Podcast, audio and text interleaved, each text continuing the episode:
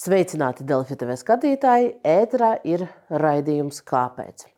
Un šodien par to, cik ilgi vēl Latvijas uzņēmēji, tirgojoties ar Krieviju, palīdzēs eļļot kara mašīnu. Saimu ir sasniegusi organizācijas uzņēmēja mieram iniciatīva par papildu nodokli pārskaitījumiem uz Krieviju. Un koalīcijas partijas pagaidām izsakās labvēlīgi. Bet cik ātri valdība un arī parlaments rīkosies un cik nozīmīgs būs šis solis?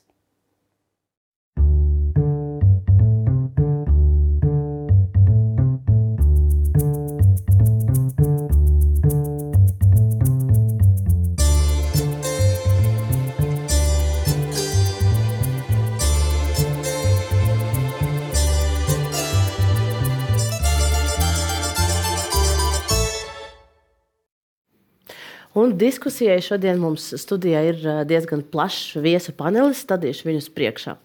Jānis Taukačs, idejas autors un fonda uzņēmēju mieram pārstāvis. Sveiki! Labdien. Jānis Patmalnieks, ministru prezidentas parlamentārais sekretārs un pārstāv arī premjeras politisko spēku jaunā vienotība. Sveiki! Labdien! Jurģis Miezainis, ekonomikas ministrijas parlamentārais sekretārs un pārstāv arī uh, ministru un vienu no koalīcijas politiskiem spēkiem ZZS. Sveiki! Labdien! Zemnieku saimnes valdes priekšsēdētāja vietniece Maira Dzelzkalē burmistra. Sveiki! Labdien! Un ekonomists un arī ārpus saimnes esošas Latvijas attīstībai politiķis Večislavs Dombrovskis. Sveiki. Labdien!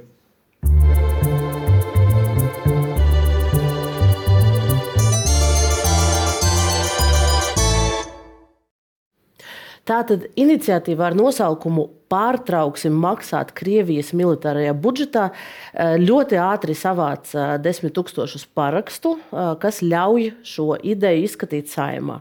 Un īsumā es izstāstīšu to iniciatīvas ideju, un tad autors varēs papildināt, precizēt un varbūt paskaidrot kaut kādas detaļas. Tātad īsumā Latvija jau tagad piemēro tā saucamo ieturējumu nodokli darījumiem ar Krievijas uzņēmumiem. Un tas nozīmē, ka, piemēram, ja ar Krievijas uzņēmumu ir pēc līguma darījuma summa jāsamaksā 100 eiro, tad Krievijas firmai tiek pārskaitīti 80 eiro, bet 20 aiziet Latvijas budžetam. Un šis piedāvājums ir šo procentu pacelt līdz 90. Proti, ja darījuma summa ir 100 eiro, tad uz Krieviju aizceļo tikai 10 bet 90 eiro paliek Latvijas budžetā. Šis ir īsumā idejas apraksts. Un, Publiski skan, ka, ka galvenais mērķis ir padarīt šos darījumus nu, neizdevīgus nevienai no pusēm, un tā tad pārtraukt jebkādas komerciālas attiecības, jebkādus pārskaitījumus uz Krieviju no Latvijas uzņēmumiem. Vai es pareizi visu aprakstīju, vai tur vēl ir astīte, ar kuru jāpapildina? Ļoti pareizi, Olga. Jā, astīte ir. Astītes ir divas vēl. Pirmkārt, protams, ka priekšlikums ir palielināt šo nodokļu likmi no 20 līdz 90 vai būtībā uz aizliedzošu likmi. Par to var diskutēt, cik lielai viņai jābūt. Bet uh, papildus vēl divi nosacījumi ir, ka pirmkārt šis nodoklis šobrīd pēc likuma uh, neatiecās uz maksājumiem par precēm, ja preces uh, tiek pārdotas uz Latviju pēc tirgus cenām. Tas ir izņēmums likumā. Mūsu priekšlikums ir, ka būtu jāpiemēro nodokli arī maksājumiem par precēm. Un otrkārt, ir izņēmums likumā šobrīd, ka, būt, ka ieņēmuma dienestam ir tiesības atļaut nemaksāt. Un man par lielu pārsteigumu es pavisam nejauši uzzināju, ka uz ieņēmuma dienesta straumēm plūst šādi pieprasījumi atļaut nemaksāt.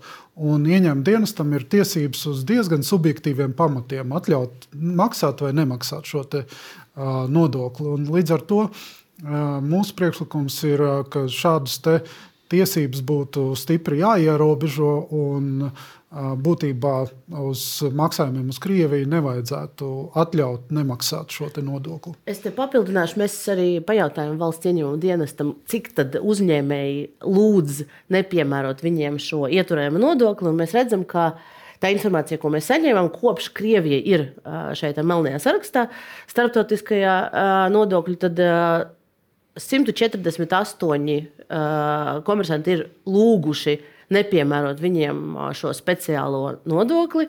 Un 139 šo atļauju ir saņēmuši. Tad, nu, pēc būtības jums ir taisnība, tas tā statistika rāda, ka nu, gandrīz visi, kas prasa, arī saņem šo izņēmumu. Nu, tieši tā, un, un, un tas, tā statistika vēl neko daudz nenorāda. Jo zem viena no, vienas no atļaujām var būt, es nezinu, Latvijas gāzes 110 miljoni, kas tiek pārskaitīti Gazpromam. Ja? Nu, tādā gadījumā tas, tas, tas, tas pavisam savādāk tā bilde. Nu, mums teica, ka tā kopējā summa, par kuru šīs atļaujas ir izsniegts, ir 13 miljoni. Uh, kas, ir, kas pēc būtības nesaskan ar to, ar to lielo, lielo importu daudzumu. Bet, bet tā ir viena astīte. Jūs minējat vēl otru, kas, ar kuru jāpabildina manis teiktais par šo ideju. Tās bija tās divas. Viena divas. bija par precēm, Jā. otra bija par vidu atļaujām nemaksāt. Un šobrīd jūs esat iesnieguši šo iniciatīvu saimā. Vai jums ir zināms jau tagad, kāda ir virzība, vai ir pirmās sēdes, pirmie lēmumi, kaut kādi atbalsta apliecinājumi? Nu, nē, vēl pavisam nesen, 2. janvārī, mēs iesniedzām šo sējumā. Līdz ar to, protams, ka paies kāds laiks. Ideālā gadījumā mēs gribētu, lai būtu kāds žests no saimnes jau 24. februārī šajā sakarā, bet, bet nu, būsim realisti. Diez vai kaut kas tik ātri notiks. Tā kā, nu, mums tāda cerība ir, ka kaut kādā pusgada laikā tas varētu tikt pieņemts. Un par to mēs tūlīt runāsim, bet pēdējais, ko es iesākumam gribēju saprast, kāpēc šī iniciatīva tieši tagad? Jo pēc būtības šo problēmu mēs jau novērojam nu, divus gadus gandrīz uh, tirgošanas ar Krieviju. Šī kara mašīnas barošana ar, ar tiem nodokļiem, ko Krievijas komersanti tad Krievija samaksā. Uh, vai tas pamudinājums bija visi tie video sociālajos tīklos, ko mēs redzējām ar uh, graudu kravām, kas brauc cauri, cauri Latvijai? vai vēl kas? Nē, tā nav uh, sakara ar. Tā ideja radās jau pirms uh, graudu skandāla, var teikt, bet uh, mēs skatījāmies uzņēmējiem, starp uzņēmējiem mieram līdzdibinātājiem uh, čatiņā diskutējām, ka joprojām uh, tie uh, cipari uh, tirzniecībai ar Krieviju ir uh, gaužām lieli. Un, ja mēs skatāmies importu, preču importu, tad tie bija pagājušā gadā, 22. Eh, gadā, kas ir pirmais kara gads, jau nepilnīgi 2 miljardi. Viņi nokritās pagājušā gadā uz pēc desmit mēnešu datiem pusmiljards, bet tāpat tās tie ir lieli cipari. Līdz ar to tas mūsu mērķis bija šādā veidā vērst īstenībā uzņēmumu uzmanību par to, ka nu, būtu jāpārtrauc šī tirzniecība ar, ar agresoru valsti un, un, un tās uzņēmumiem. Un, līdz ar to tam būtu arī svarīga jau vērtība tikai no tās akcijas vien, neatkarīgi no tā, vai tas likums gal galā tiks pieņemts vai nē. Un vai tas tiks pieņemts, tad mēs varam prasīt politiķiem, kas pie, pie varas esošiem politiķiem, kas šajā studijā atrodas. Tātad, kāds ir premjeras biroja, kāda ir nostāja? Kopumā mēs redzam, to, ka nu, pēc tāda ilgstoša posma, kad kopumā pasaulē valdīja uzskats, ka Krievija var brīvi tirgoties un, un teiksim, faktiski nekādas tādas ietekmes uz ģeopolitisko situāciju no tā nav. Mēs redzam, ka tas uzskats mainās, un Eiropas Savienība jau ir ieviesusi 12 sankciju pakotnes, lai dažādā veidā ierobežotu aktivitātes gan militārā sfērā, gan arī, gan arī citās preču grupās, kas saistītas ar tirzniecību ar Krieviju. Mums tā saites pamazām sabrūk. Mēs viņus sagraujam paši, jo Krievija aktīvi bruņojas, aktīvi ved kara darbību Ukrajinā. Uh, un mēs tajā pašā laikā arī tērējam savus budžeta līdzekļus, lai aizsargātu sevi pret eventuālo Krievijas agresiju.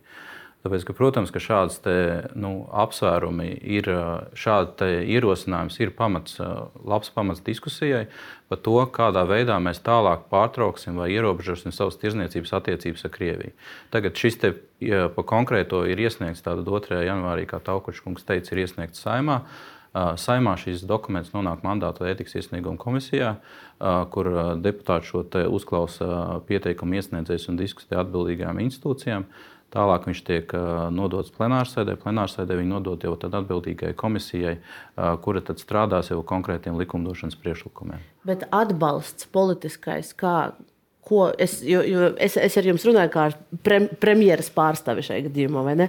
Un tad atbalsts vai, vai, vai, vai jaunā vienotība redz, kā koalīcijas atbalsts tieši šādai idejai, kāda tā ir uzrakstīta, ka tas ir, ka tas ies uz plenāru sēdi, ka tas tālāk ies uz kādu no komisijām un ka tieši šādu priekšlikumu koalīcijas partijas atbalstīs. Jūs tagad to redzat? Es, es, redzu, es redzu to, ka ir izstrādāts priekšlikums. Tātad eksperts Taukačs pats kā nodokļu eksperts ir, ir izstrādājuši tādu nu, jēgpilnu priekšlikumu vai tehniski iespējamu priekšlikumu, kā to var realizēt.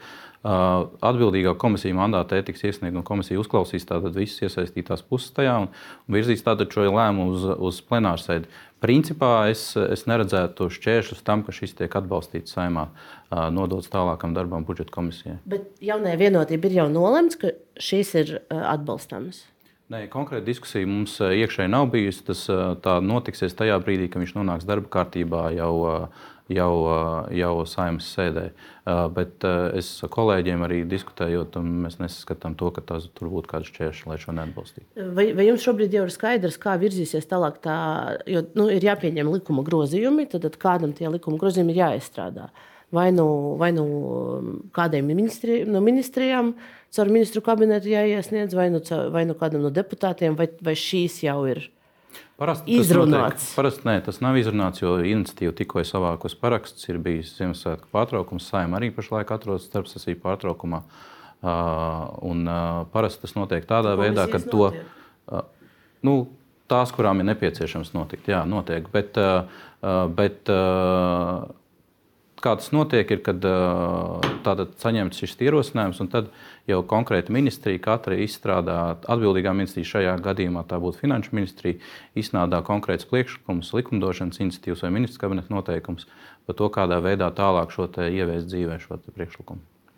Jums ir prognoze, cik, cik tālu, cik ātri tas varētu viss norisināties nu, līdz jau likuma pieņemšanai, likuma grozījuma pieņemšanai. Ja mēs runājam, ka uz 24. februāri nu, tas nav realistiski, drīzāk ka kaut kas notiks. Bet, nu, pesimistiskākais scenārijs būtu, ka tas līdz. Līdz vasarai noteikti. Es domāju, iespējams, ka tas varētu notikt pat ātrāk. Ja, ir, nu, ja tā jau ir esoša sistēma, kurā jāievieš korekcijas, tad es, es pieņemu, ka tas varētu notikt arī ātrāk. Nu, tad te vārds ir ekonomikas ministrijai, vai ir šobrīd aprēķini, varētu, kāda var, varētu būt ietekme? Jo daļa, daļa no šiem darījumiem ir tranzīts laikam, daļa, daļa no darījumiem ir, ir, ir tas, ko iegūst Latvijas uzņēmēji kaut kādām savām vajadzībām. Mhm. Um, jā, um, kopumā jau šī iniciatīva nu, ir tā, um, ideja ļoti atbalstāma ka mēs tad, eh, nu, ja kāds ar agresoru tirgojās, tad arī valsts saņem eh, teiksim, līdzekļus, un līdzekļi attiecīgi var tikt novirzīti arī bruņojumam, mums pašiem, Ukrainai un palīdzībai tur. Eh, bet kopumā jau arī Patmanēkungs iezīmēja to praktisko pusi, praktisko virzību, kā tas varētu iet. Par to, kāda būtu tieši tā ekonomiskā ietekme, protams, ka tas ir jāredz kāds ir tas beigas scenārijs. Uh, tagad arī nu, jūs minējāt, sākumā, kad viens no katalizatoriem ir uh, šis graudu nu, nosacītais skandāls, uh, par kuru arī Krausas kungs nu, bija proaktīvs un arī brauca uz Eiropas padomu un informēja, ka tāda situācija notikusi un mums tie risinājumi vajadzīgi. Uh, un tas tāds ātrais teiksim, secinājums, nu, ka šiem procesiem ir jābūt vadībai. Viņi ir jāvada. Kā mēs uh, virzam mūsu tautsēmniecību prom no agresoru valsts ekonomikas. Jo jūs jau arī sākumā iezīmējāt, ka nu, 20 gadi vairāk mēs esam bijuši nosacītais tilts uz austrumiem. Tad mēs bijām, man liekas, finanšu tīģeris Baltijā. Un mēs, godīgi sakot, par šīm lietām maksājam milzīgu cenu šobrīd. Un te svarīgi tiešām termiņi.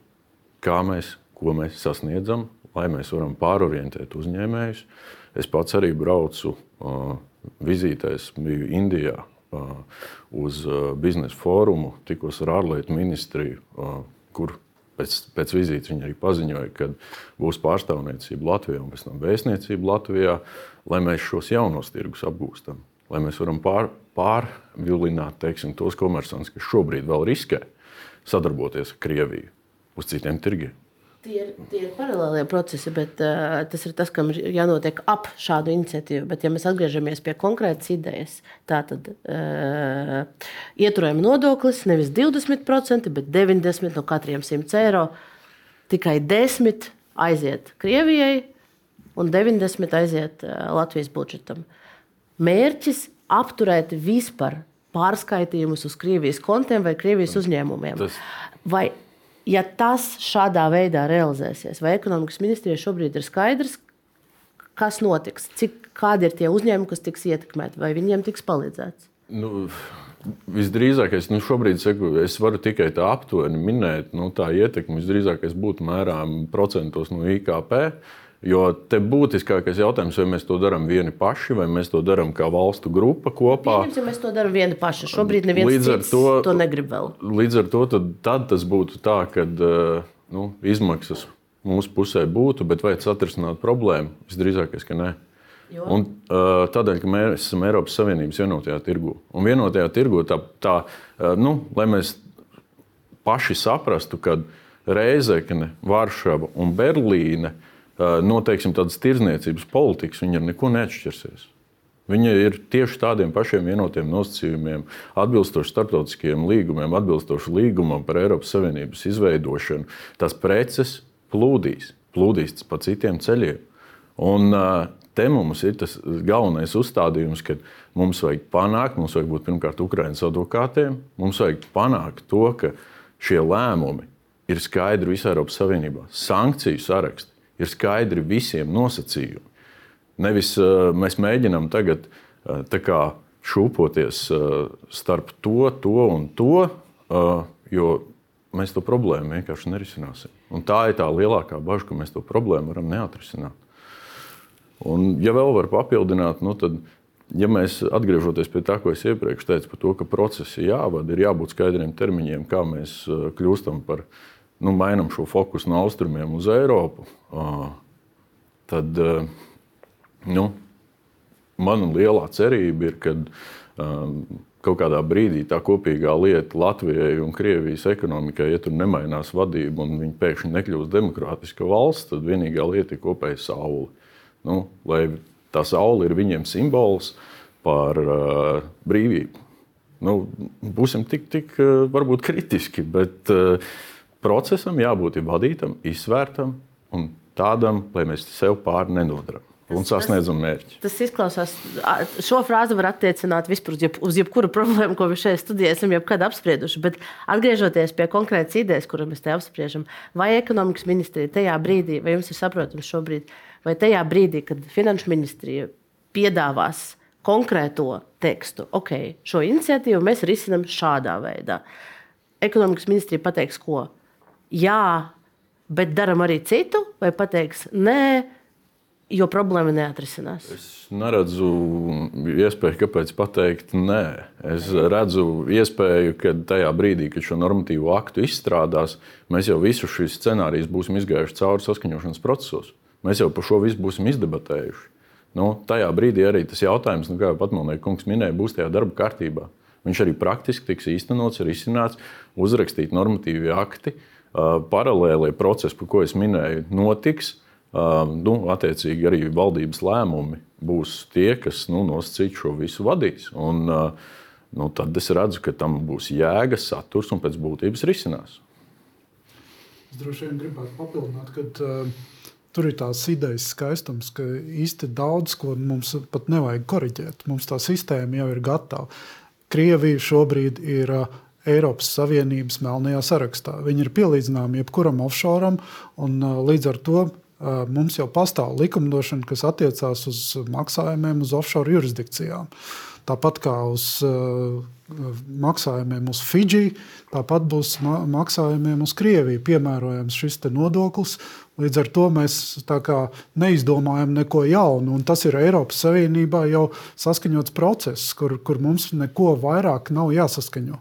Līdz ar to mums tikai jāizlāpa caurumus un, uh, un jāpalielina likme, lai at, uh, atgrūst no šīs te, uh, vēlmes strādāt ar šo jurisdikciju. Bet jūs piekritat tam, ka dēļ, nu, dēļ tā kopīgā tirgus efekts īstenībā nu, mēs, ne, mēs nesasniegsim, vai es nepiekrītu? Nu, es domāju, ka efekts, efektu mēs noteikti sasniegsim, jo, jo tas efekts būs pirmkārt,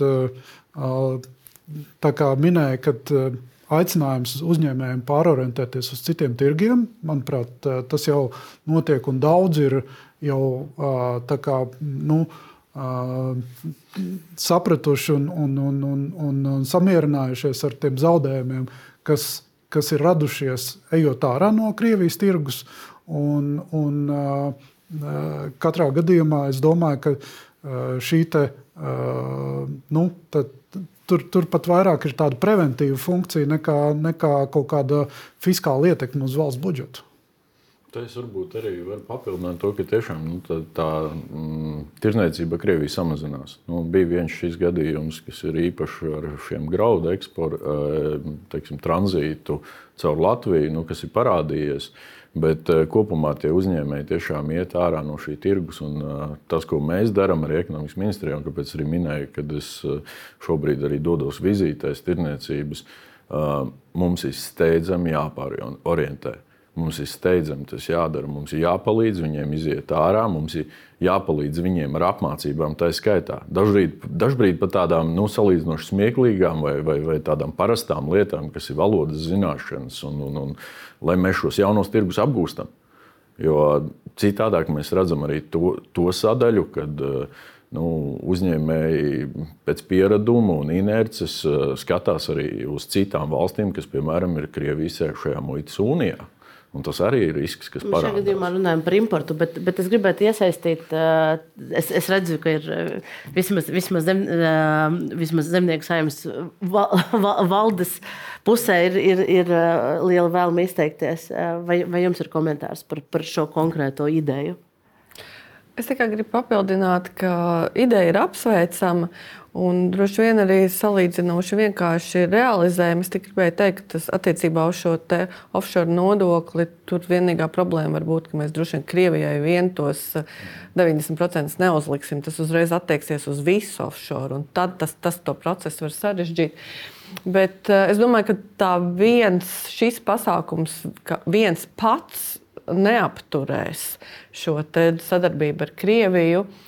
Un, uh, tā bilde ir daudz, daudz sarežģītāka. Un noteikti, ja dara vienu, efekts būtu tad, ja būtu plāns un darītu daudzas lietas vienlaicīgi, uh, ieviestu dažādas papildus nodevas, uh, būtu pretī arī uh, varbūt kaut kāds atbalsts vai pārējais atbalsts tiem uzņēmumiem, kurš šobrīd vēl aizvien ļoti daudz ir, kuriem bijuši šie darījumi ar Krieviju. Ja tie uzņēmumi mūsu ekonomikai ir svarīgi, tur ir kaut kāds pārējais periods vajadzīgs un droši vien papildus atbalsts tai pašai pārorientācijai.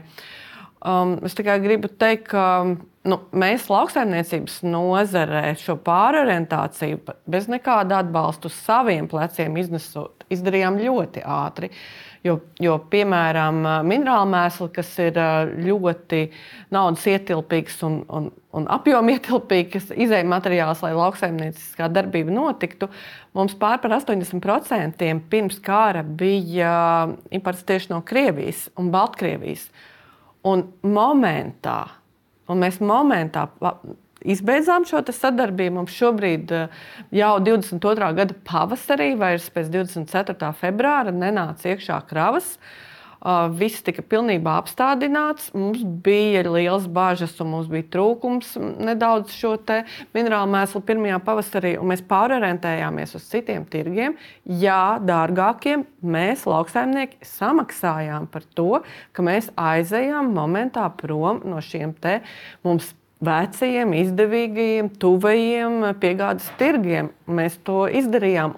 Es domāju, ka līdzīgi to vajadzēja izdarīt un ir jāizdara arī citām nozarēm. Nu, Minerāla mēsla tas ir viens, vai, bet jautājums, vai, vai arī citas kaut kādas uh, lauk, lauksaimniecībā nepieciešamas izēvielas jūs nu, tomēr joprojām iepērkat no Krievijas? Tas, kas šobrīd cik, li, cik nozīmīgi ir tā daļa? Uh, tās, kas šobrīd ienāk, no Krievijas eh, ir tas jautājums, ko jūs jau pieminējāt, ir graudi. Un šeit tā problēma ir vairāk Eiropas kopējā politikā, jo pārtikas produkti nav sankcionētajos sarakstos. Un, un neviens no šiem ar pārtikas nozaru saistītajiem Krievijas personām nav sankcionētajā sarakstā. Līdz ar to legāli var, turpināt, var turpināties imports no Krievijas, un viņš arī notiek. Atkarīgi ir? ir no mēs tiem? atkarīgi neesam nemaz. Arī Eiropa kopumā nav nemaz atkarīga, jo Eiropa kopumā pārtiku saražo pietiekami, gan pārtiku, gan lobarību. Um, Eiropa eksportē savu saražoto, tā kā principā arī Eiropa no Krievijas uh, graudu un graudaugu produktu importa varētu atteikties kaut rīt. Tam ir vajadzīga tikai politiska griba un mehānisms, kā to izdarīt. Bet, bet tik un tā, jūs, jūs nu, sakot savu uzrunu, jūs minējāt, ka ir nepieciešams gan pārējais periods, gan arī atbalsts. Nu, proti, būs jūsu biedri, Nē, kuriem būs nedomāju. jāatsakās, un tad, un tad viņi Nē. prasīs to atbalstu. Ne? Nē. Es, tā kā mēs iznesām šo te minerālu mēslu sadārdzinājumu, tieši tāpat ir iespējams arī pāriet uz citas izcelsmes lobarību un graudu produktiem. Tur nevienam dēļ tā nebūs eh, jānobankrotē, un tas nav dzīvības navas jautājums. Tā cenu starpība, pieņemsim, novembrī Krievijas uh, graudiem un um, starptautiskajām biržām bija 9 dolāri par, vai 9 eiro par tonu.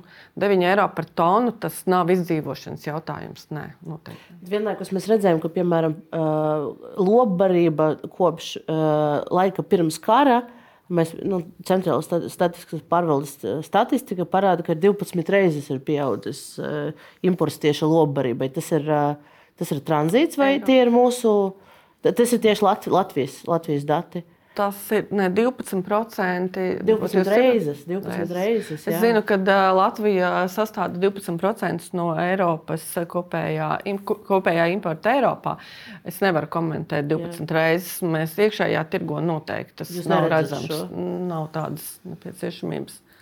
Jā, pavisam īsts komentārs par Krieviju saistībā ar offshore sarakstu. Tur, manuprāt, tur tās idejas skaistums, ka tā, tā, tā, tas nodoklis nav tehniski virzīts uz Krieviju. Tas attiecās uz visiem offshore. Līdz ar to mums neviens nevarēs pārmest, ka tas ir kādai, kādai konkrētai valstī uh, nolikts uh, mehānisms. Bet uh, tehniski to var risināt arī tā, ka uh, te, šīs te atļaujas ieņēmuma dienests var vienkārši neizsniegt uh, maksājumiem uz Krieviju. Es varbūt varu pakomentēt par, tiem, par to, ko Latvija importē no saskaņā statistikas pārvaldes datiem. Tad mums ir uh, oktobrī un faktiski visā iepriekšējā gadā tie lielākie importa pozīcijas bija uh, dzīvi dzīvnieki, gaļa un pārtikā lietojamā gaļas subprodukti, zīves vēžveidīgie, piena pārstrādes produkti, dzīvnieku izcelsmes produkti un citi tam līdzīgi. Citi tam līdzīgi. Līdz ar to mums faktiski tas lielākais, mums tādas liela importa pozīcijas vairs, nu, lielākā ir bez atšifrējuma, kur es pie, pieņemu, ka iekrīt viss, kas iekšā, kas, kas vien var būt. Līdz ar to mums tādas lielas atkarības faktiski nav. Tās visas ir aizstājamas preces, kuras lauksaimniecībā var iegādāties visā Eiropas Savienībā. Es domāju, ka kopumā šis solis ir atbalstāms, bet mums arī jāsaprot, ka šis solis ir drīzāk tā nozīme, ir drīzāk simboliska un principiāla. Tad ziņa, ka ja mēs uzdosim jautājumu, vai tāds traucēs Krievijai vai kaut kā samazinās Krievijas kapacitāti kārot Ukraina, atbilde visticamāk būs drīzāk nē. Vai tam būs cena mums? Nu, principiem vienmēr ir cena. Ja, tas jāsaprot. Tas, tas, kas notiks, ir, nu, es nezinu, vai tas to var redzēt. Es te varu parādīt tādu attēlu. Bet es domāju, ka tā bilde kopumā tas nu, kaut kā vizuāli ir skaidra. Tas ir vairāku Eiropas valstu eksports uz Kirgistānu. Un tādus attēlus var radīt arī par citām Centrālās Azijas valstīm. To var radīt par Turciju un tā tālāk. Nu, tā diezgan skaidri arī ir Latvija. Ir skaidri redzams, ka pēc uh, 22. gada 22. februāra eksports, vairāku valstu eksports uz Kirgistānu ir pieaudzis 10, 20 reizes. Ja? Es pie tā nu, varu varbūt arī tā vizuāli kaut kā skaidrs. Te ir Polija, sarkans ir Krievija, eksports uz Krieviju, zilais ir eksports uz Centrālu Aziju. Ja. Pat valstī, kur ir nu, viena no ļoti principiāla pozīcija attiecībā uz Krievijas agresiju Ukrajinā, pat šajā valstī mēs redzam, ka eksports, kombinēts eksports uz Krieviju un Centrālu Aziju ir tikai nu, varbūt te ir tas nu, pat ne divas trešdaļas, vairāk nekā divas trešdaļas nekā tā, tā kas bija 22. gadā. Un tas, kas bija eksports uz Krieviju, nu, tagad viņiem pa pusēm eksports uz Centrālu Aziju un, un uz Krieviju. Līdz ar to diezgan arī skaidri jāapzinās, nu, tā lai nelolotu ilūziju, ka šis ir pirmā kārta principiāls solis. Ja? Es ļoti šaubos, ka no šā nodokļa kaut kas tiks vispār iekasēts. Es domāju, ka visticamāk tas, kas tiek, iekasēts pat no tiem 20%, tie tika pieminēts no tie, kuriem absolūti nav nekādas iziestas Latvijas gāze, kurš kaut kādu dīvainu iemeslu dēļ pārskatīs tas dividends Gazpromam. Bet tas, kas notiks, ir šī tirdzniecības pārorientācija uz Centrālu Aziju. Tas nav tā, ka tam nebūs absolūti nekāda efekta. Es domāju, ka tie ir labs piemērs, ir varbūt avio pārvadājumi. Ja? Starp Maskavu un Eiropu nav tieši lidojumu, bet tagad viss notiek ar Stambulu. Tad, protams, tās lidojums Krievijam tagad ir dārgāks un garāks. Līdz ar to tas efekts ir. Bet būtu uh, naivi domāt, ka viss tā avio satiksme ar Eiropu ir nogriezta. Līdz ar to, nu, protams, ir arī cenas jautājums. Tā cena, es teiktu, nav tik, tik daudz ekonomiska, cik tā ir politiska. Jo pazaudēt Krieviju var ne tikai militāra nozīmē. Tā var pazaudēt arī kļūstot par Eiropas nākamo Ungāriju vai, vai Slovākiju. Jo tie, kas strādā tajos uzņēmumos, kas eksportē uz Krieviju vai kopumā uz austrumiem, nu, arī nelolosim ilūziju. Tie uzņēmumi un to darbinieki nebūs sajūsma. Viņi nebija sajūsma no 20%, viņiem būs vēl mazākā sajūsma no 80%. Es domāju, ka diezgan viegli saprast, par ko viņi balsos nākamais vēlēšanas. Ja? Ar to tie riski jāapzinās. Un te, protams, ka jautājums, vai ekonomikas ministrijas centieni radīt jaunus tirgus vai palīdzēt piekļūt pie jauniem tirgiem, tiem uzņēmumiem, viņu darbiniekiem, būs pietiekami laicīgi, nu, lai nebūs vienkārši tā, ka mums būs kaut kāds daudzums nu, diezgan nikno vēlētāju. Nu, tā, tā laikam ir tā lieta, paldies, Dombrovskis, ko es mēģināju arī iezīmēt, ka um, viss dienas beigās būs atkarīgs no tā, kā mēs spēsim pārorientēt šos uzņēmumus, kā mēs spēsim uh, nodrošināt to, ka darba vietas nepazūd, ka tiem cilvēkiem nepazūd ieņēmumi. Uh, bet šie ieņēmumi rodas piemēram no Eiropas tirgus. Tādēļ arī nu, pēdējā laikā medijos noteikti daudz lasa par dažādām lieliem projektiem, to pašu Elvinu Vēja parku projektu, visu šo desinhronizācijas stāstu par vēja projektiem, kas ir atjaunojamās enerģijas projekti, ūdeņraža projekti, Fokker koprojekti, Kunziņa salas ražotņu projekti. Šī, šis ir teiksim, tas gala mērķis, kurā mēs redzam, ja mēs šo spēsim īstenot, nu, tad mūsu teiksim, tāda rūpnieciskā sadaļa, mūsu teiksim, ražošanas sadaļa, viņa pārorientēsies, tie mūsu uzņēmumi arī ar pakalpojumiem pārorientēsies uz Eiropas tirgiem. Un tad mums tiešām, nu, tas, kā jau minēju, mums tiešām vairs nebūs interese, pat, nu, kā Dombrovskis rādīja, kad tur kā, kā tas eksports, imports ir mainījies starp valstīm. Jo, nu, jāsaprot arī to, ka Krievijai ir šī muitas unija. Nu, tas, tas, tas ir kaut kas, kur šobrīd arī Kokrūpniecības federācija pavisam nesen parādīja uh, skaitļus, kā Turcijā, piemēram, bija ar ko, koku materiāliem. Arī šie, šīs problēmas izmantoja kā tādu tranzīta hubu Un, un, un mēs esam tādā globālā, globālā ekonomikā, un, diemžēl, nu, Krievija ir milzīga valsts ar ļoti daudz kaimiņu valstīm. Un tas ir tas izaicinājums. Bet tāpēc saku, tas pamatā mums ir jābūt ar kopējiem stingriem lēmumiem, mums ir jābūt advokātiem Ukrainai, mums ir jāatbalsta viņi. Un Tāpat laikā paralēli kompleksiem pasākumiem ejam uz priekšu. Es saku arī par šo iniciatīvu. Viņi tiešām tādi, nu, kas nu, viņi ir morāls, ētisks jautājums. Un, līdz ar to nu, vienkārši jautājums ir detaļās. Kā mēs viņu īstenosim, kā mēs viņu ieviesīsim, ko tas maksās. Un tieši par detaļām es gribēju prasīt, vai jums šobrīd ir skaidrs, kur ir tie konkrētie sektori, konkrētie uzņēmumi, kurus šī ideja E, ieviesta ietekmēs, kā ietekmēs un kā tieši mērķēti var tur palīdzēt. Jo runa jau nav par kaut par vizītēm uz, uz e, un kaut kādu un, un prezentācijām e, kaut kādos starptautiskajos pasākumos, bet konkrētiem uzņēmumiem, konkrētiem darbiniekiem. Te, te laikam ir vairāk tas, ka attiecībā par šo iniciatīvu un cik daudz viņi ietekmēs, eh, tas ir tajā brīdī, kad būs darba kārtībā. Mēs sāksim skaņot un sāksim diskutēt ar finanšu ministriju, ar valsts ieņēmumu dienestu jau nu, teiksim, daudz detalizētākā līmenī, kā makro skaitļi, kā uh, lielie skaitļi. Tad mēs arī šo ieraudzīsim šobrīd, uh, nu, pirms viņi ir uz galda. Būs diezgan sarežģīti. Es domāju, ka uz eh, dotu brīdi ir diezgan skaidri prognozēt, jā, ka šis aizliegums tam eh, pirmais rezultāts būs tas, ka tas viss ies caur centrālā Aziju.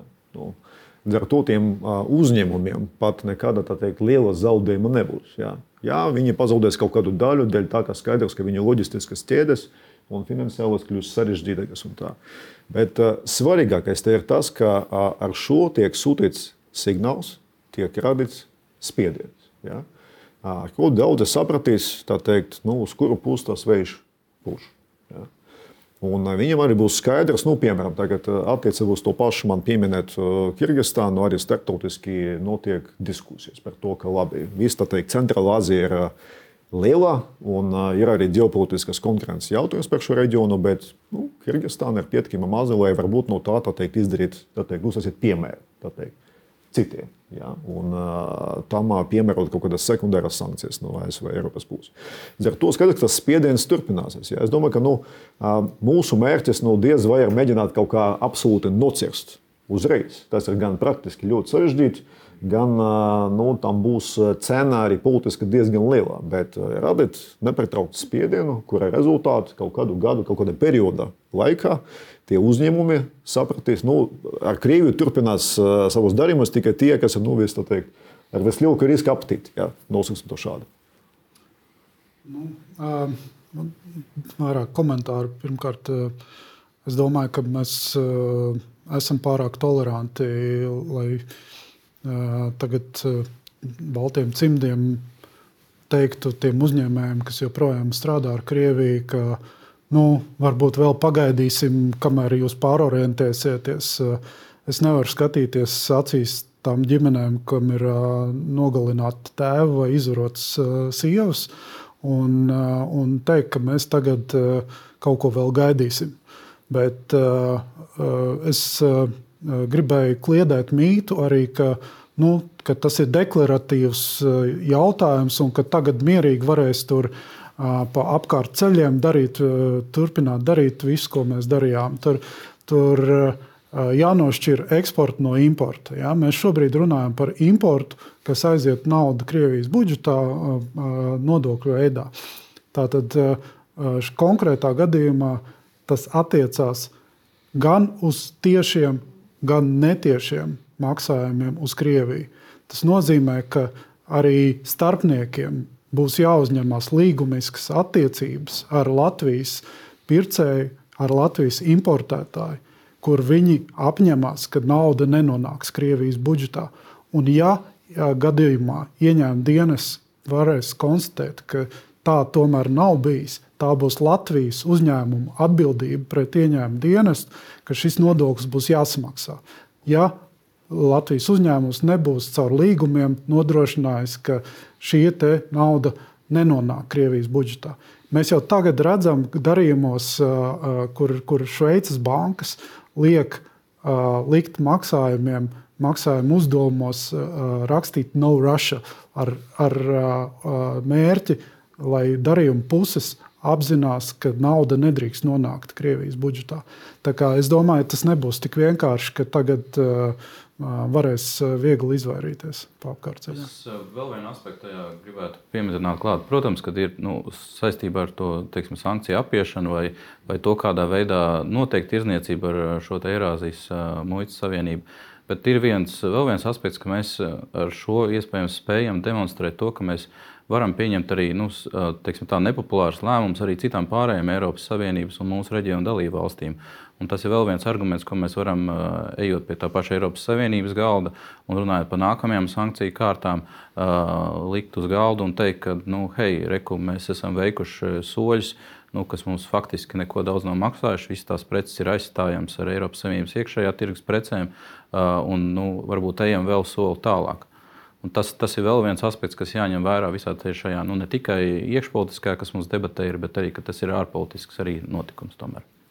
Es gribētu piebilst, ka Ukraiņiem skatīties acīs būs vēl grūtāk. Ja nākamais vēlēšanās Latvijā pie varas nāks kāds mūsu Latvijas Orbāns, kurš atjaunos biznesa as usual ar to pašu Krieviju, Baltkrieviju un tā tālāk. Ja.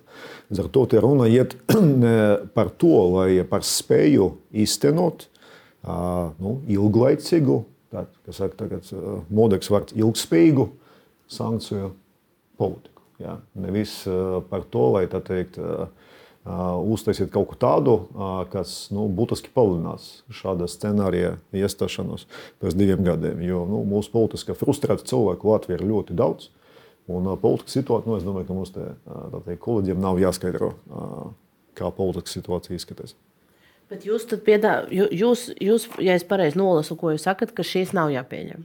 Nē, es saku, ka šis ir jāpieņem. Es tikai saku, ka šis nu, ir. Saku, mēs esam starp Scilu un Haribdu, ja es vēlaties, kur Scila ir nu, Krievijas, nu, mūsu meža paradīzes plēsunis. Ja? Diemžēl situācija ir tāda, ka nu, plēsuņā barošana ir biznesa. Mums jāsaprot, ka, ja mēs atskatāmies, ja mēs nebarojam plēsuņu, to darīs citi. Nu, tā vienkārši ir šodienas pasaulē. Ja? Un tā harība ir tas, ka mūsu iekšējais risks, ka mums valstī pie varas mēs esam redzējuši, kas noticis Ungārijā, Slovākijā. Pie varas var notikt, nu, skatāmies uz to pašu Poliju. Polija paralēli Polijas neapšaubām atbalstam Ukrainai. Polijas zemnieki arī šodien protestē, bloķē Ukrainas robežu. Nu, tas viss nav tik vienkārši. Līdz ar to mums, mūsu mērķis ir izmanevrēt starp to Scilu un Haribdu. Ja, starp zaudējumu Krievijai militārai ziņā un zaudējumu Krievijai kļūstot par Eiropas nākamo Ungāriju. Jo pazaudēt var arī tā. Nu, sabiedriskas, jā, lūdzu, jūs gribētu. Es gribēju papildināt. Ko Patmalniekungs teica par, nu, ir jau vēl viens līmenis, kas mums ir jādara. Tas ir tas, kas ir jādara Eiropas Savienībā. Jo nu, mēs vieni, tas, tas būs daudz mazāk efektīvi, ja mēs kaut ko ieviesīsim vieni. Mums ir svarīgi, lai Eiropa kopumā vai mūsu reģions kopumā ievieš līdzīgus pasākumus. Jo mēs esam, nu, tad, jo pretējā gadījumā mūsu konkurētspēja tiks, tiks nu, būtiski grauta. Ja, ja kaimiņi vienkārši iegūs uz to, ko, ko nepieņemsim mēs vai ko nenopelnīsim mēs, to izdarīs kaimiņi. Un es domāju, ka noteikti ir runājot par nākamo sankciju paketi, ir jāsāk runāt arī par pārtiku, jo šobrīd pārtika, viss, kas ir saistīts ar pārtiku, nav šī sankciju sarakstā šīs personas. Un es pieņemu, ka attiecībā uz graudiem, kas ir tomēr nu, lielākais, lielākais Krievijas nu, pārtikas eksports, un viņi pasaulē vispār pēdējā laikā ir ieguvuši ļoti līderu pozīciju un sāk jau ietekmēt pasaules graudu cenas. Es domāju, ka ir jāskatās uz, kaut vai uz tiem cilvēkiem, kas ir saistīti ar graudu biznesu, un tas ir veids, kā mēs varam mazināt arī šo Krievijas graudu um, tranzītu caur Latviju. Pieķerties tranzītam tikai kā tādam. Nu, viņš šobrīd ir, nu, mēs kā lauksaimnieki, kā lauksaimniecības kooperatīvas, esam pieņēmuši lēmumu, ka mēs savā ostā nepārkrausim šos te, uh, Krievijas graudus, bet uh, nu, tas neietekmē šo Krievijas tranzītu. Nemaz viņi aiziet caur citām ostām un caur citiem kravējiem. Un arī šis pats, nu, ja mēs runājam par šo nodokli, arī ar to mēs nevaram skart, jo visi tie graudi, kuri tiek Latvijas ostās krauti, Viņi nav Krievijas, viņi ir Krievijas graudi, bet viņi jau nu, caur šejienu viņi iet kā Amerikas, Holandes, nezinu, Spānijas graudi. Mēs maksājam tām kompānijām. Mēs ne, šeit neviens nemaksā uz Krieviju. Tie ir lielie starptautiskie traderi. Un, lai tos ietekmētu, tas ir tikai caur kopējo Eiropas eh, Savienības politiku un caur sankciju sarakstiem. Būtu jau tiešām nu, apsveicami, ja mēs arī spētu izdomāt, kā nu, atrisināt arī šo problēmu ar uh, to graudu tranzītu caur uh, no Ukrainas, caur Latvijas ostām. Jo, Nu, tas būtu viens no risinājumiem, kā noslogot gan mūsu ostu infrastruktūru, un tad arī tiem graudiem teikt, no Krievijas nebūtu tur vieta. Bet tas ir arī risinājums, kas nav vienā dienā atrisināms. Un tas, laikam, kas visiem nu, ir jau divi gadi. Mēs esam visi, liekas, sapratuši, ka šis nav sprints, tas ir maratons, kurā mēs ejam ar skaidru mērķi. Un, ja mēs spējam visi vienoties par to mērķi, ka mēs mūsu tautsēmniecību tā skaitā virzam projām no ātras peļņas gūšanas, bet uz uh, stabiliem tirgiem, uz draudzīgiem tirgiem uh, un uz to strādājam, tad es redzu, ka uh, mēs tiešām uh, būsim ieguvēji dienas beigās. Bet tas ir maratons, kurā mums jāiet ar skaidru vadību. Ministrs kabinetam ir būtiska nozīme kas ir ļoti labi pateikts par to, ka tas tiešām ir uh, maratons. Šī, nu, šī ir gara spēle uz 20, 30 gadiem. Un uh, šeit arī Maija ļoti pārējais pateica, ka uh, iespējams, ka mēs nu, teikt, iekšpolitiski Eiropas Savienības iekšēnē mēs arī varam panākt nu, diezgan daudz, varbūt pat vairāk nekā ar tādiem tiešiem, nu, tikai teikt, vienpusējiem kaut kādiem instrumentiem. Es, es došu vienu piemēru. Ja? Tagad es, no... es, es, es mazliet jūs pārtraukšu un uh, noreklamēšu RTV skatītājiem, kur mūsu ētris ir beidzies. Tur mums 48 minūtes jau ir, ir, ir izcēlušās, un ar RTV skatītājiem jāatvadās. Tad tas piemērs, lai, lai to piemēru uzklausītu, jums uh, RTV skatītāji būs jādodas Delfi TV arhīvā. Un tad tur jūs varēsiet arī noklausīties pilnu um, kāpēc raidījumu, arī iespējams noklausīties podkāstu formātā internetā, visās iespējamās platformās. Paldies RTV skatītājiem, un tad uh, Delfi studijā mēs tulīt turpināsim. Jums jābūt Delfi. Jā. Tas piemērs par, uh, par Krievijas naftas eksportu, jā, kurš ir nu, pilnīgi skaidrs, ka rietumu sankcijas ir nu, var pateikt, izgāzušas. Attiecībā. Un uh, Krievijas ieņēmumi no naftas ir milzīgi. Kāpēc? Tāpēc, ka uh, Krievija ir izdevies izveidot tādu ēnu floti. Ja? Un, kas viņam ir palīdzējis visvairāk izveidot ēnu flotu? Un te ir tāds, varbūt detaļas nav redzamas, bet skatieties, bet skatieties uz ziliem stabiņiem. Ja? Tas ir tāds zilie stabiņi, ir tā daļa no tās ēnu flotes, kas ir pateicoties Grieķu teikt, oligarkiem. Ja, kuģu īpašniekiem. Ja.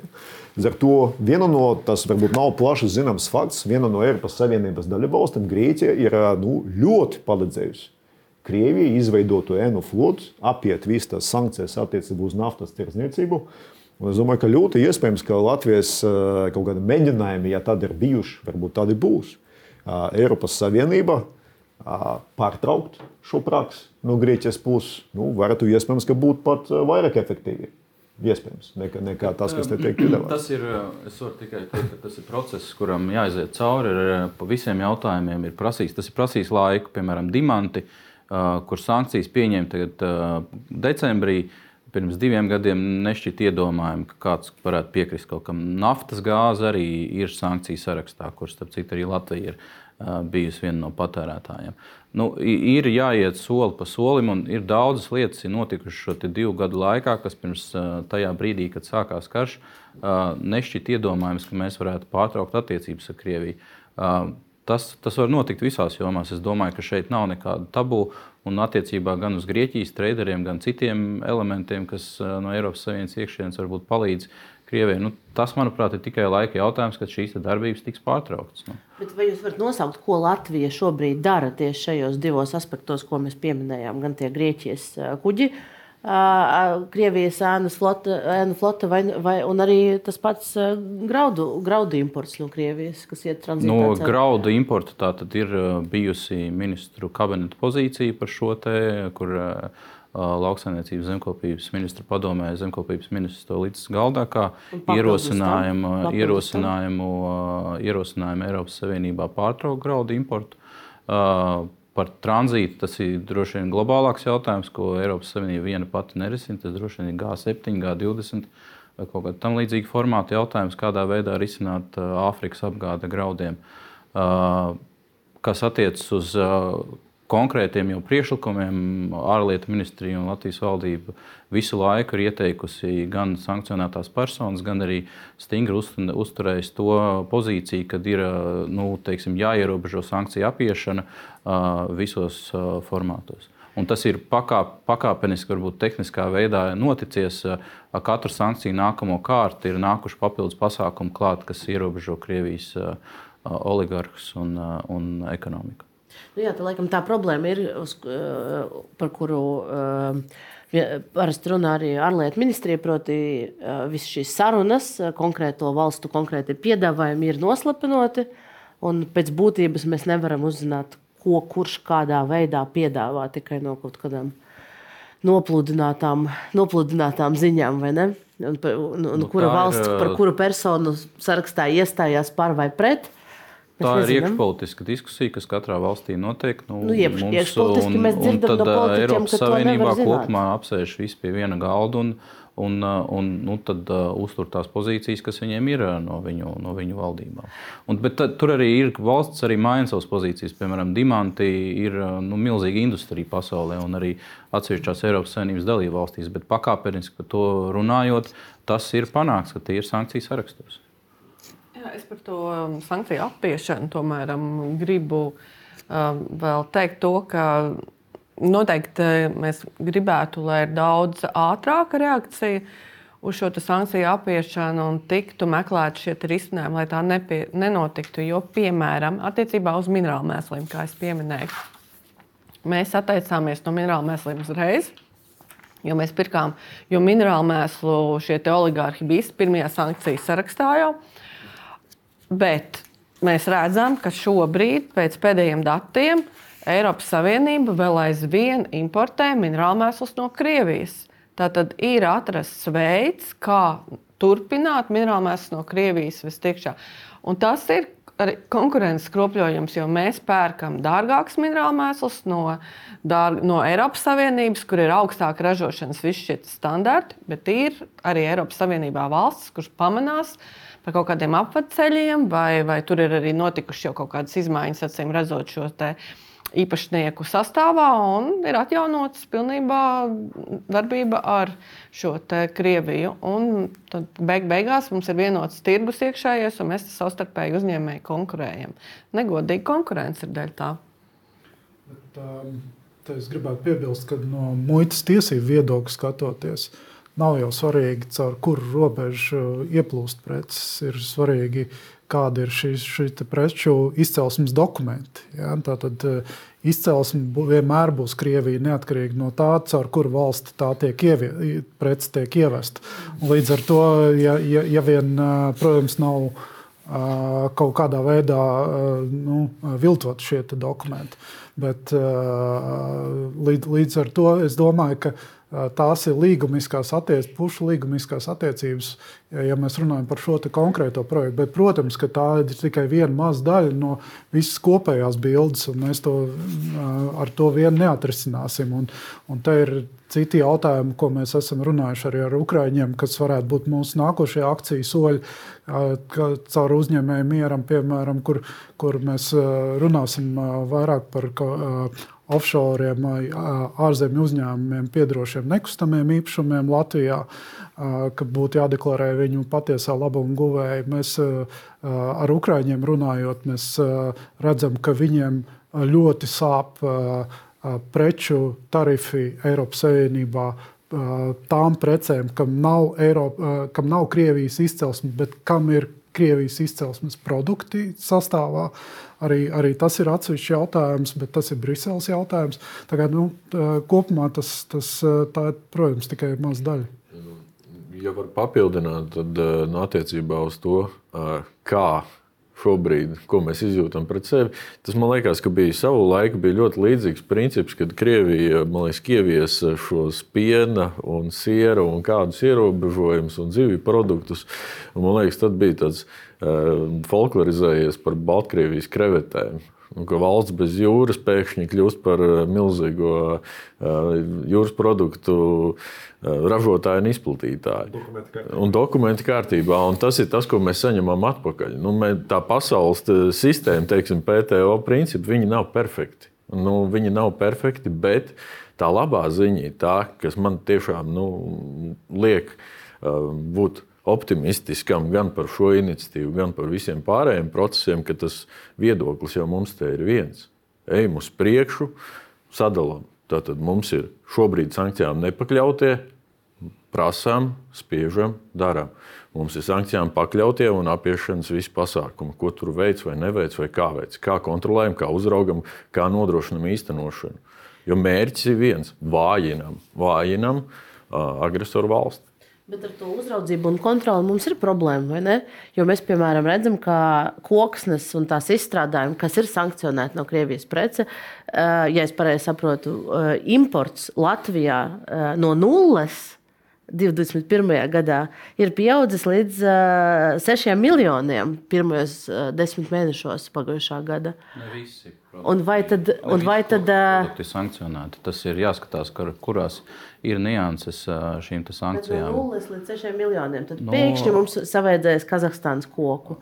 Cīm redzot, ir atrasts veids, kādā veidā šo te, nu, neapēju, neievērojot sankcijas, jo sankciju kontrole Latvijā tiek kontrolēta diezgan stingri. Tur ir, ir virkni kriminālu procesu, ko ir tiesību aizsardzības iestādes uzsākušas par sankciju pārkāpumiem.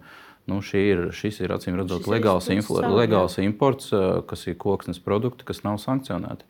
Jo tajā kategorijā, kas parādās centrālā statistikas pārvaldē, varbūt nu, neiekrīt viss tas, kas attiecas, kas ir sankcionēts. Um.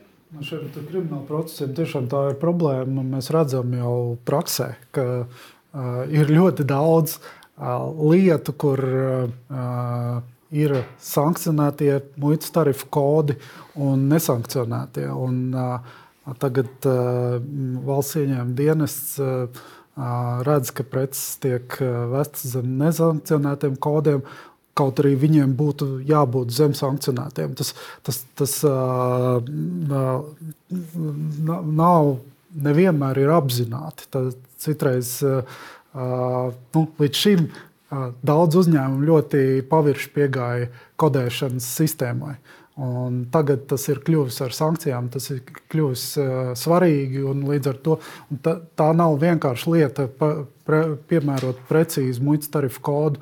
Līdz ar to tur var būt arī kaut kāds kļūdas procents. Bet vēl viena lieta, ko, ko šajā iniciatīvā jūs pieprasat, ir uh, jāatjauno, pēc būtības atjaunot uh, uh, sarakstā ar uzņēmējiem, kur turpina veidot biznesu ar Krieviju, publiskošanu. Jo vienā brīdī parādījās saraksts, tad bija iemesli, saraksts bija nepilnīgs, interpretējams un tā tālāk. Tas tika noņemts. Tagad jūs prasat, lai mēs atkal zinām, kas ir tie uzņēmumi, kuri tirgojas ar Krieviju? Nu, protams, tāpēc, mums jau mērķis nav papildināt valsts budžeta kasi ar šo nodokli. Šī, šī visa pasākuma mērķis ir, lai uzņēmēji beidz darboties ar, ar Krieviju un, un, un lai tiktu novienādot arī konkurences apstākļi tiem, kas ir pieņēmuši lēmumu, neskatoties uz radītajiem zaudējumiem, salīdzinoši ar tiem, kas turpina pelnīt. Jā, nu es Mēs sapratu, red- redzēsim sarakstu? Ir, uh, man adresēts, un Nu, sarakstu mēs redzēsim. Kad? Uh, es domāju, ka tuvākajā laikā mēs iesim ar, at, atkārtot jau pie mūsu sadarbības partneriem. uh, Un piedāvāsim risinājumu, lai mēs viņu varam juridiski korekti publicēt, un uh, centrālā statistikas pārvalde nebūtu pakļauta tiesvedību riskiem. Um, nu, kas radās pēc pirmā. Nu, viņi tika publicēti atbilstoši stat- statistikas likuma prasībām, un, protams, ka nu, bija komersanti, kas bija īpaši neapmierināti. Un, un, un tad sākās tā, šī diskusija par to, kādēļ publicēt, kādēļ nepublicēt.